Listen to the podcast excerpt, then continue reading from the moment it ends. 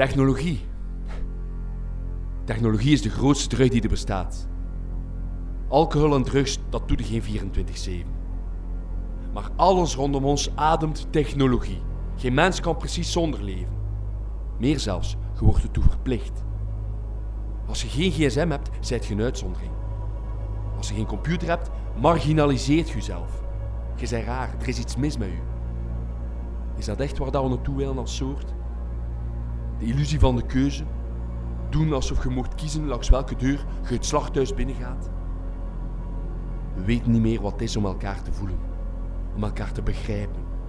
Je kunt tegenwoordig eender wie opzoeken en na vijf seconden weet je gewoon alles. Maar is dat iemand kennen?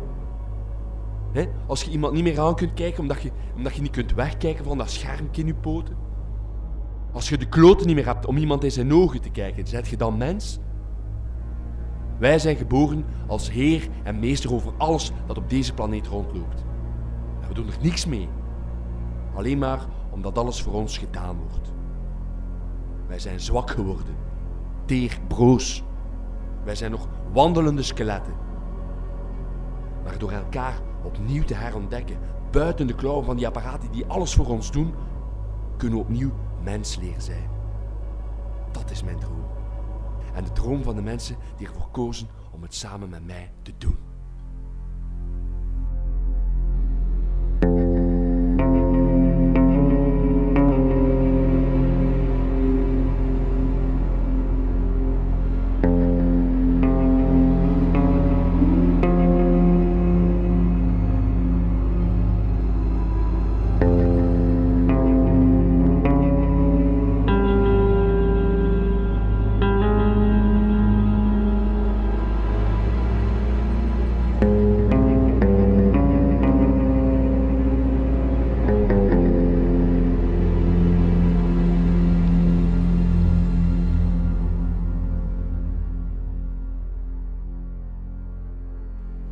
Negen maand nadat zijn oudste zoon Hannes in een verkeersongeluk stierf, verkocht de 54-jarige Hubert zijn hebben en houden en kocht hij een stuk bosgrond waar hij met zijn familie een nieuwe thuis in vond. Het leven was aanvankelijk rudimentair, maar met de bouw van grote hutten kreeg het gezin iets meer comfort. Hubert besloot echter om zijn idealen uit te zaaien en nodigde iedereen die de levensstijl aan wou gaan uit om in het bos te komen wonen en niet langer actief deel te nemen aan de maatschappij erbuiten. In 2016 startte hij met vijf. Er werden extra hutten gebouwd die een eindje verderop lagen, zodat het gezin altijd een privacy zou hebben. Aanvankelijk was iedereen vrij om te gaan en staan waar hij of zij wou. Mensen gingen overdag naar hun werk of deden hun eigen ding. Er was maar één regel: Elke avond kwam iedereen samen rond het vuur en vertelden ze over hun dag, wat ze geleerd hadden, wat ze gevoeld hadden. Iedereen moest praten voor één minuut. Daarna nam Hubert het woord. Hij vertelde lang en uitgebreid over zijn dag, zijn dromen, zijn gedachten. Iedereen bleef stil en luisterde. Door elkaar praten werd sterk afgekeurd. Technologie was uit een boze. Mensen lieten hun gsm's en computers in de auto liggen om enkel te gebruiken als ze het bos verlieten. De enige techniek die aanwezig was, was een microfoon die Hubert gebruikte voor aankondigingen. Hij maakte het zijn missie om de zwakkeren in de maatschappij te betrekken in zijn droom. Hij benaderde daklozen, mensen in armoede en alleenstaanden en hij beloofde ze eten, een bed en idealen Velen van hen gingen akkoord en waren hem oneindig dankbaar. In december 2018, ongeveer 2,5 jaar nadat Hubert het bos openstelde, waren er naast het gezin meer dan 50 bewoners. Het bos was gaandeweg uitgegroeid tot een dorp. Dit is een brief die geschreven werd door Jan, een van de bewoners. De brief heeft echter het bos nooit verlaten en is waarschijnlijk onderschept. 1 januari 2019. Dag schat, gelukkig nieuwjaar. Ja, met de drukte hier is het niet simpel om weg te gaan, dus via een brief zult je sneller van mij horen. Maar ik beloof dat je binnenkort eens mocht langskomen. Gisteravond hebben we iedereen samen gevierd. Hubert, die heeft gezongen. En hij kan echt heel schoon zingen. Hij zou beroemd moeten zijn. We hebben lekker gegeten en daarna heeft iedereen gezegd waarvoor hij dankbaar is. Ik heb Hubert, Lisbeth, Victor en Jade allemaal bedankt omdat ze zo goed voor ons zorgen. Ja, en Frank natuurlijk, mijn hutgenoot. En u, omdat ik veel aan u en aan mama denk. Vanochtend heeft Hubert gezegd dat ze vandaag met hun gezin samen vieren en dat ze niet gestoord mogen worden. Ik ben dus samen met Frank en Matthias bomen gaan kappen voor de nieuwe hutten. Het zal goed zijn om terug maar met twee in een hut te liggen. Stuur alsjeblieft een brief terug, bel mij niet meer. Ik heb mijn gsm weggedaan, want ik gebruikte hem toch enkel om naar u te bellen. Dus nu kunnen we gewoon brieven sturen. Ik ga vragen aan Victor of hij hem in uw brievenbus kan steken, want dan moet je geen drie dagen wachten op de post. Stuur maar terug van zodra je kunt, hè. Je hebt het adres van de vorige keer. En geef mama een kus van mij. Veel liefs, Jan.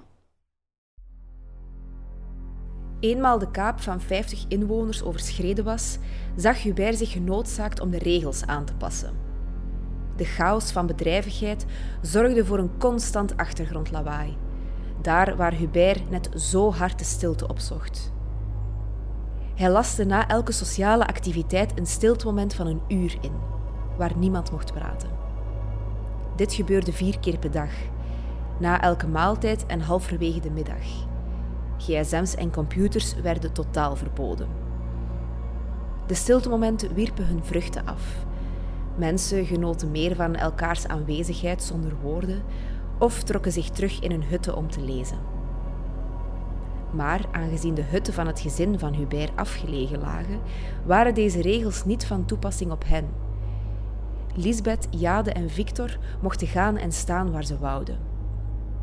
Victor, inmiddels twintig, nam de commune die zijn vader gecreëerd had enorm serieus.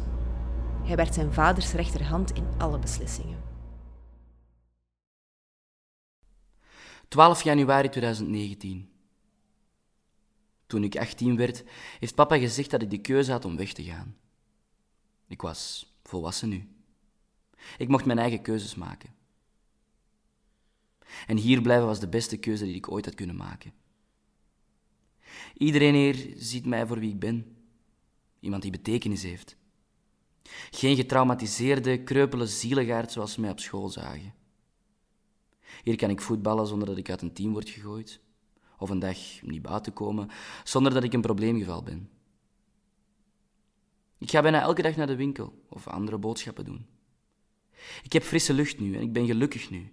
Gelukkiger dan ik ooit ben geweest. Het doet geen pijn meer om in een auto te zitten. Geen enkele van die psychologen is het ooit gelukt om, om mij in een auto te krijgen. En nu rijd ik zelf mee. Ons oord zal alleen maar blijven groeien. Mensen gaan blijven luisteren naar wat pa en ik te vertellen hebben.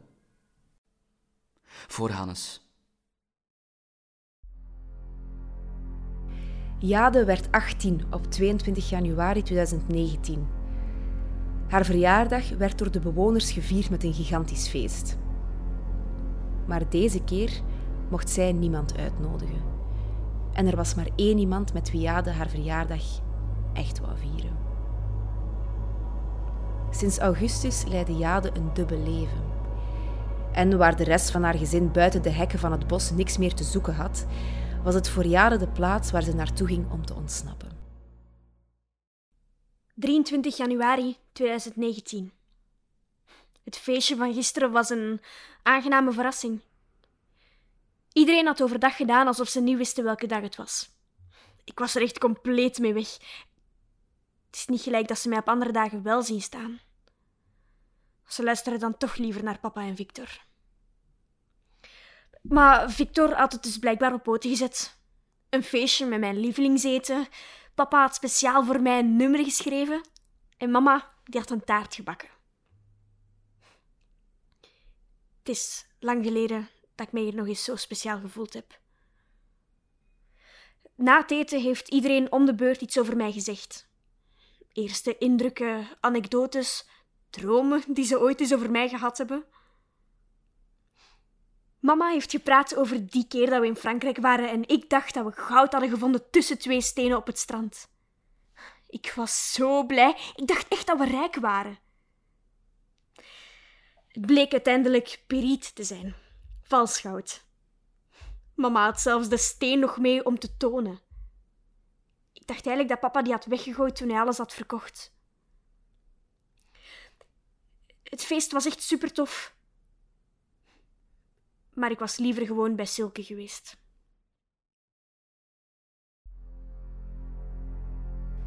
In de voorbije jaren had Jade enkel haar twee jaar oudere broer als referentie voor leeftijdsgenoten. De andere bewoners van het bos moesten voor Hubert ouder zijn dan 18. En buiten het bos kon ze niet meer doen dan boodschappen. Veel interactie met mensen van haar leeftijd zat daar niet in. Ze werd een echte boekenworm en las bijna elke dag een boek uit. Daarvoor kreeg ze van haar vader de toestemming om elke week naar de bibliotheek te gaan om een nieuwe lading. Het is daar dat ze in augustus 2018 iemand leerde kennen die even bezeten was door boeken als zij. Silke. Een 21-jarige studente die deeltijds in de piep werkte. De eerste keer was een vriendelijke knik. De tweede keer een voorzichtige lach. De derde keer praten ze over het boek dat Jade van het rek had gehaald. Meer gebeurde er echter niet. Jade had geen gsm meer en wist dat de brieven van bewoners altijd door haar vader werden gelezen voor ze verzonden werden. De twee stopten echter niet met afspreken. Een paar maanden later waren ze goede vriendinnen geworden en gaf Silke haar als cadeau een gsm die ze in de biep kon opladen en mee naar het bos kon nemen. Jade wist dat gsm's verboden waren door haar vader maar aangezien het gezin de regels niet zo nauw moest volgen als de andere bewoners, leek het daar geen probleem. Een paar dagen later zou ze echter zien hoe groot het probleem was. Na de ochtendstilte van die dag verzamelde Hubert alle bewoners rond zich. Ik heb daarnet tijdens het stiltemoment nagedacht over waar we naartoe moeten gaan met dit project. We moeten uitbreiden. We moeten meer mensen onze boodschap laten horen. Zijn jullie gelukkig hier?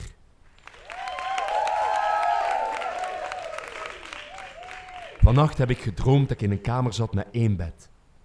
Ik zat op bed bij het raam, maar er was enkel mist buiten. Ik zag niets. Opeens ging de deur open en er wandelde iemand naar binnen. Ik ben recht gaan staan en ik herkende de man niet, maar ik omhelsde hem. Want hij had evenveel recht op dat bed dan ik. En wie ben ik om de man zijn bed te ontnemen? Wij moeten als pioniers openstaan voor nieuwe mensen, nieuwe ontdekkers. Ook als er mist is en we zien niet hoe dat gaat aflopen. We moeten vertrouwen hebben dat de man naast ons het bed even hard verdient als wij. Want pas wanneer wij weigeren om het voordeel van de twijfel te geven, dan, dan vervallen we in cynisme, in de kwetsbaarheid. Pas dan wordt er misbruik van ons gemaakt. Pas dan. Wat was dat? Wie was dat? Steekt uw hand op. Niemand? Fien, heb jij uw gsm nog bij? Sorry, mijn zus staat op punt van te bevallen, dus en ik heb gevraagd of dat ze mij op de hoogte wouden houden. Hoe zijn je aan de gsm geraakt? Ik weet niet hoe ik... De waarheid gaat u verder helpen dan de leugen die je nu aan het verzinnen bent, Fien. Mijn broer is gisteravond één door het hek komen afgeven toen ik op de wacht stond. Regels dienen niet om u te straffen, hè, Fien. Als je bij uw zus wilt zijn, waarom is dit dan het eerste dat ik ervan hoor? Waarom doe je dat dan in het geheim? Als ik niet beter wist, hè, dan zou ik denken dat je beter voelt dan al de rest. Nee, nee, nee. Dat is niet zo. Ik bedoel dat niet zo. Ik wou gewoon, ik wou gewoon weten hoe dat met haar was. Ik voel me niet. Allee, ik bedoel, ik ben niet beter dan de rest. Is er een probleem met haar bevalling? Ja, ze heeft, ze heeft tijdens haar zwangerschap problemen gehad. En we weten niet, we weten niet zeker of dat goed met haar gaat verlopen. Dus sorry, ik wou gewoon niet moeten horen achteraf. dat- Bel terug. Wat? Bel terug. Hoor of dat alles goed gaat en geef de gsm dan aan mij. Maar zorg eerst dat uw familie veilig en wel is. Oké. Dank u. Merci, Hubert. Wij zijn geen tiran, hier. Maar we weten goed genoeg waarom we de beslissing nemen om ons oord schoon te houden van die stralingen. De wereld buiten deze hekken gaat u het respect niet geven dat je hier krijgt. Daar zijt je nummer, een nummer in de wachtrij, een nummer op een identiteitskaart. Hier zijt je mensen van vlees en bloed. Fien en Matthias en Francine en Peter en Jannik en Karen en Jan. Ondanks de zware regels werden de leden niet afgeschrikt. Integendeel, veel van de bewoners namen spontaan ontslag op hun werk om niet meer uit het bos te moeten.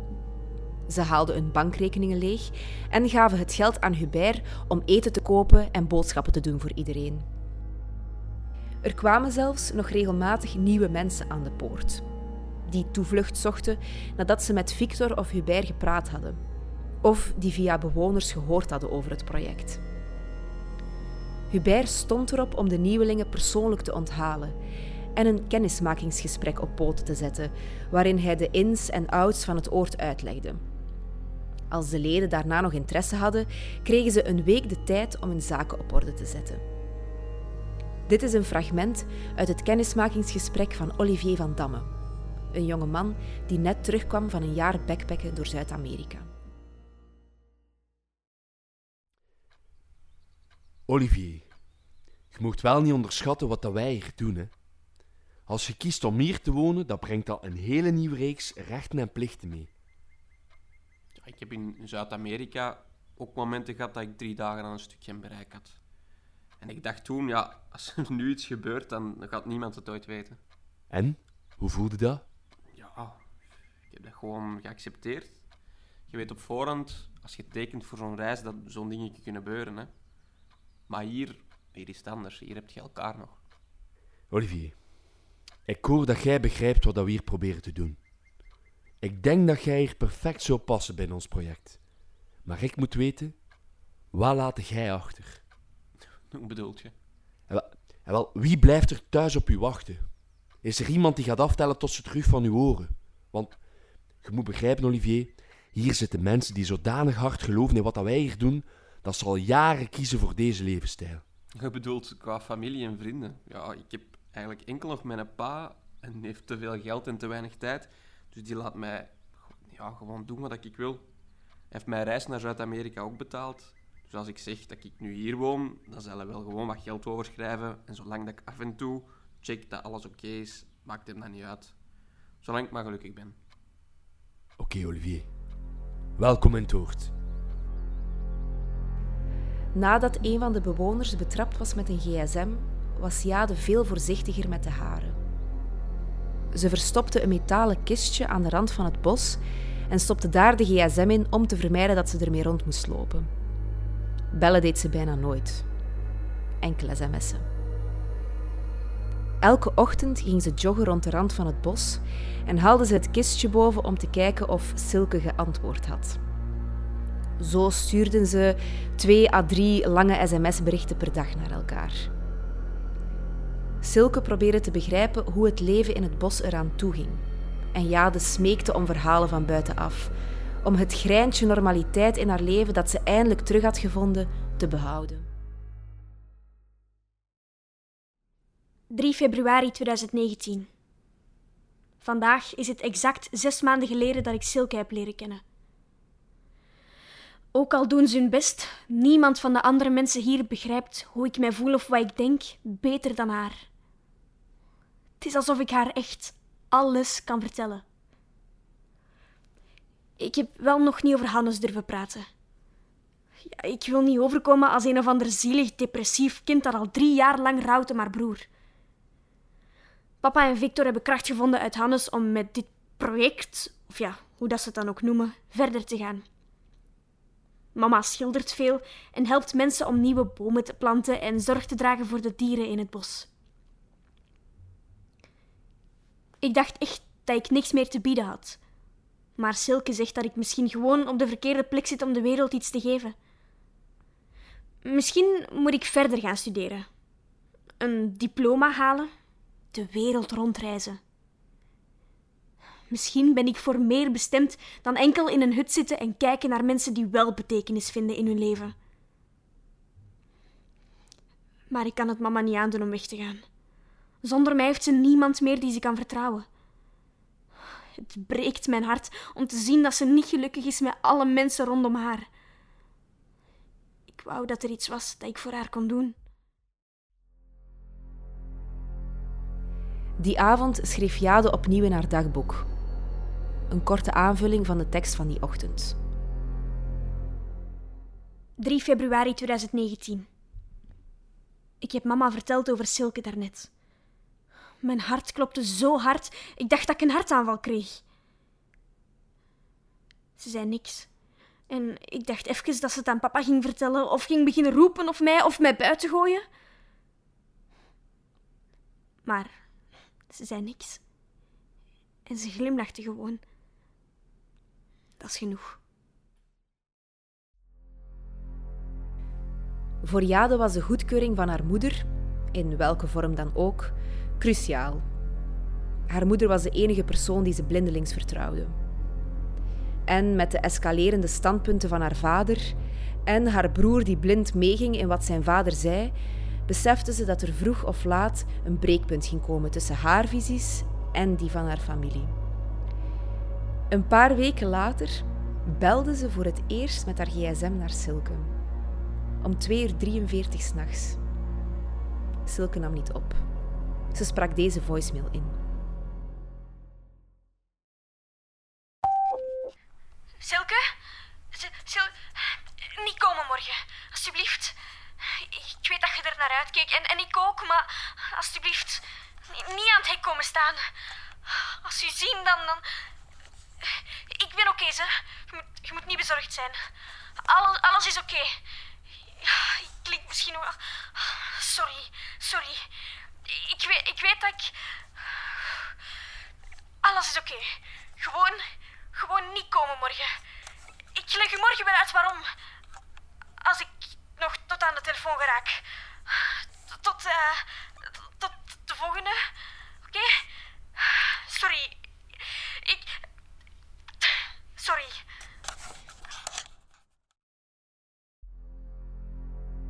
De avond ervoor hadden de twee via sms afgesproken dat Silke naar de rand van het bos zou komen. Jade keek enorm uit naar het afspraakje. Die avond, tijdens de dagafsluiting, nam Hubert het woord. En het is duidelijk waarom Jade zo in paniek schoot.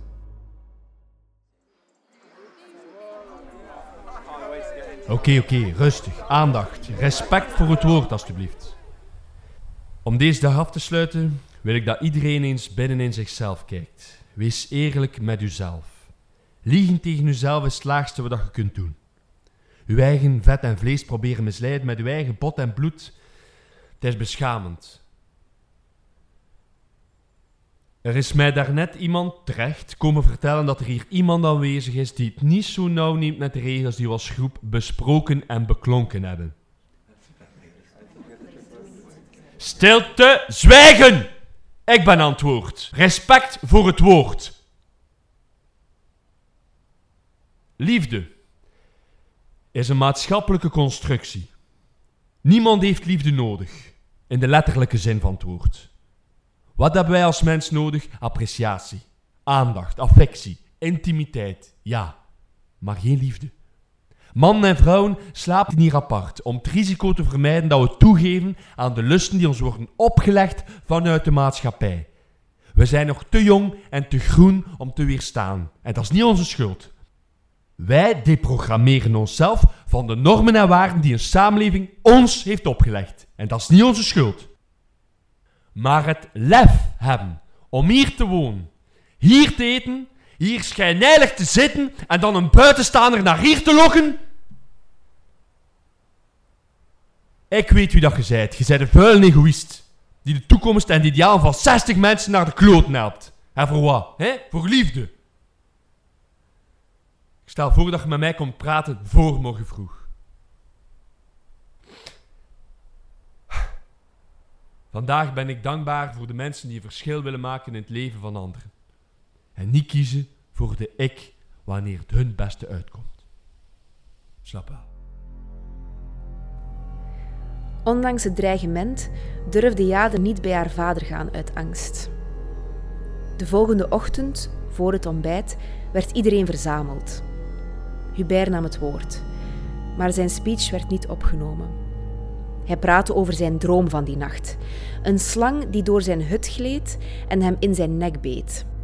Volgens hem stond het symbool voor het verraad binnen de groep. Het was onduidelijk of er al dan niet een conversatie had plaatsgevonden tussen Hubert en de verrader. Tijdens het ontbijt werd er bijna geen woord gezegd. Iedereen keek paranoïde rond, bang om iets verkeerd te zeggen tegen de verkeerde persoon. Na het eten kwam eindelijk het antwoord. Tijdens het stiltemoment werd iedereen verzameld. Hubert had een brief in zijn handen. Beste, ik wil graag spreken met iemand over de omstandigheden binnen bos van Hubert de Grave. Ik woon er al bijna twee jaar. Het wordt tijd dat iemand de waarheid over die plek vertelt.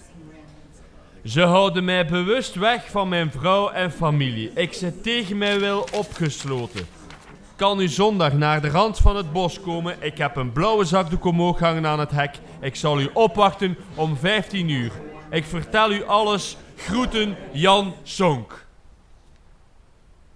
Hubert, ik kan het uitleggen. We hebben het daarover Als het hier zo slecht is, Jan, waarom zijt je dan niet gewoon weggegaan?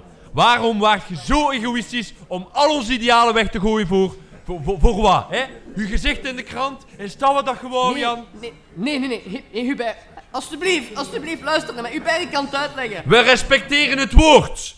We respecteren het stilte-moment. Ik krijg maar geen antwoord van mijn vrouw. Ik, ik heb al tien brieven verstuurd. Tien, ik heb u dat gezegd. Victor, Hubert. Geef mij nog een kans, ik kan het uitleggen. Laat mij dat gewoon uitleggen. Hipel Hipel, loves to come